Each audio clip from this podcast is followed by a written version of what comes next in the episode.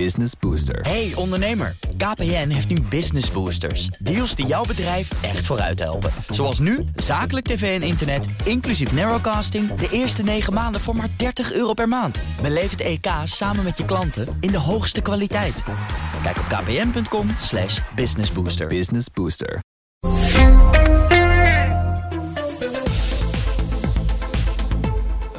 Wereld en die komt vandaag van onze Europa-verslaggever Geert-Jan Haan. Vandaag komen de Europese ministers van Defensie bijeen in Brussel. Eh, waar let jij op? Ja, Thomas, ik let op eh, Oekraïne.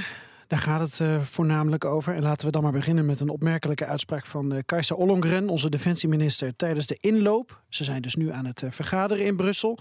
Zij reageerde op een voorstel van oud-NAVO-chef Rasmussen. Die zei gisteren in The Guardian het volgende, namelijk... Oekraïne moet volgend jaar bij de NAVO... minus het gedeelte dat niet bezet wordt door Rusland. Dus bij de NAVO-top volgend jaar in Washington... moet Oekraïne dan het 33ste lid worden. Iets van Jaap de Hoop Scheffer eerder ook al uh, op hinten. Ja, dus er zijn meerdere mensen in die functie... of die die functie hebben bekleed, die zeggen... nou, wij uh, rollen de rode loper uit, min of meer. Wat is de reactie van Ollongren?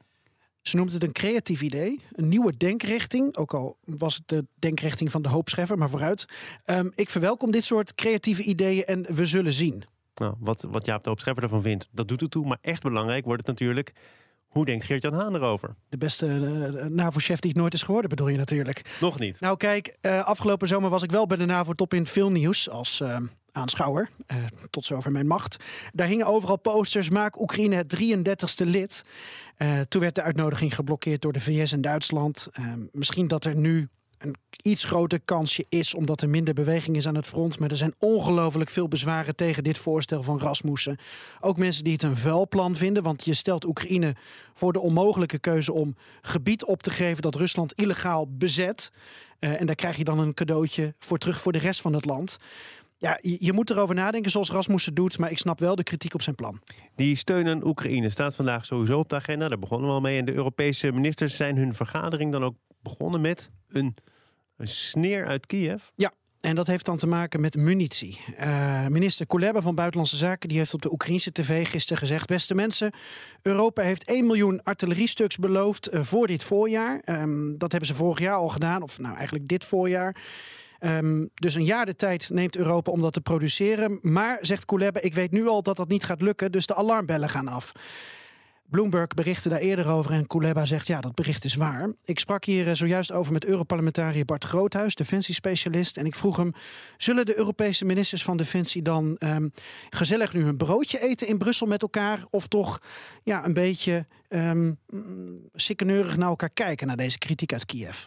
Ja, ik, ik, denk dat uh, zeker de landen in Oost-Europa, die zullen heel streng zijn van waar zijn we mee bezig. En ik vind dat die, uh, ook, ik hoop dat elkaar een beetje de nieren wordt geproefd van uh, we, zijn we nu bezig met uh, bureaucratie of zijn we bezig met het zorgen dat we zo snel mogelijk produceren. Het moet nu.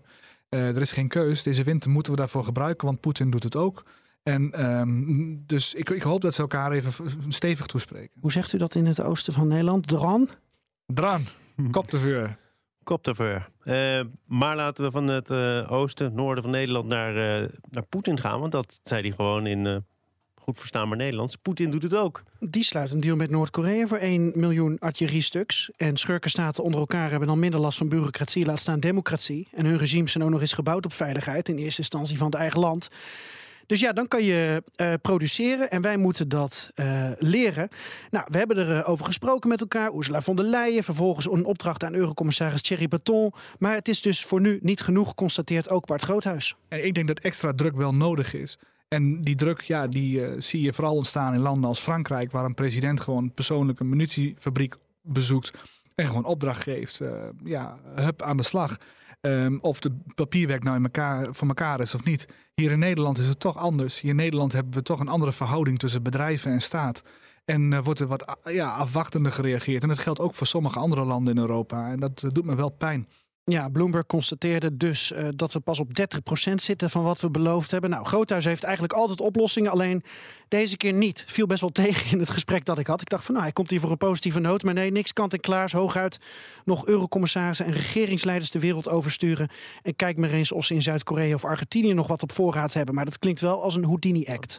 Dan, uh, wat hij wel had, een advies gericht aan minister Ollongren. Ja, ik sprak haar vorige week en toen zei ze: We hebben een eurocommissaris voor defensieindustrie nodig na de Europese verkiezingen volgend jaar. Uh, hartstikke mooi, zegt Groothuis. Maar je kunt ook nu al optreden, zegt hij. Ook in Nederland mag het tempo van die defensieproductie omhoog. Het is vooral een politiek probleem dat we niet voldoende de, industrie steunen. En ik hoor dan vorige week minister Ollongren bij BNR zeggen: van ja, of je nou het contract hebt of niet, begin dan met produceren. Dan denk ik: ja, je bent ook minister. Zet het contract naar voren. Zet uw handtekening alvast. Hoe moeilijk kan het zijn? Verzin een spoedprocedure en uh, zet het in werking. Geef dat bedrijf zekerheid op lange termijn dat hij ook inderdaad alles gaat doen en alles op alles gaat zetten. Dat is wat Poetin ook doet. Hij haalt alle wasmachines leeg en elke chip die hij kan vinden om die uh, artilleriestukken te maken. Hij zet alles op alles. Mensen werken daar 12 uur per dag. Ik wil niet zeggen dat wij dat ook moeten doen, maar we moeten wel echt fors een been bijtrekken. En verzin dan wat er mogelijk is. En kijk hoe je extra personeel kunt krijgen als het handmatige productie is. Want dit is echt belangrijk. Dit gaat over onze eigen veiligheid. VVD-Europarlementariër Bart Groothuis. Allemaal uh, opgenomen in gesprek met uh, Geert-Jan Aan, die hier gewoon live in de studio was. Dank daarvoor. Succes.